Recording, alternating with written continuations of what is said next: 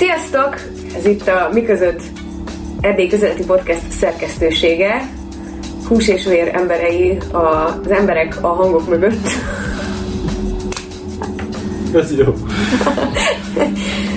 De szóval igen, eddig csak a hangunkat és a dadogásomat hallottátok, de most végre tudtok arcot is társítani, ha még nem tudtatok volna. Én Kulcsel Árpád vagyok. Én pedig Kis Anna. És um, azért jelentkezünk most ezzel a videóval, mert uh, szeretnénk bejelenteni, hogy uh, ezentúl támogathattok minket Patreonon is, um, ugyanis úgy döntöttünk, hogy uh, támogathatóvá teszik a podcastet. Ennek uh, számos oka van, Anna mesél egy kicsit róla. Jó. Szóval, hogy úgy indultunk, hogy Árpáddal ketten megbeszéltük, hogy készítünk 10 podcastet, és meglátjuk, hogy mik a reakciók, tetszik-e nektek, illetve egyáltalán nekünk tetszik-e ezt csinálni, és hát nagyon sok pozitív visszajelzést kaptunk arra, hogy ez valóban jó, és kell, és hiánypótló, aminek mi személy szerint nagyon örülünk, és uh, nyilván szeretnénk folytatni. És nem utolsó sorban nagyon sok új ötletünk is van, hogy mit csinálnánk még nagyon szívesen, de hát azt remélem mondanom sem kell, hogy ez amúgy egy időigényes munka, amit mi amúgy nagyon szívesen csinálunk, és egyébként is már többen jeleztétek, hogy támogatnátok ezt a projektet, úgyhogy most igazából megteremtettük a feltételeit annak, hogy ez létrejöhessen.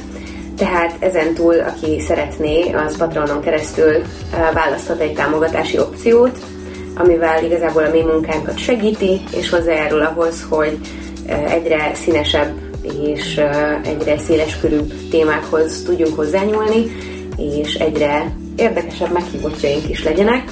Bár a meghívottjaink eddig is érdekesek voltak. Így van, így van.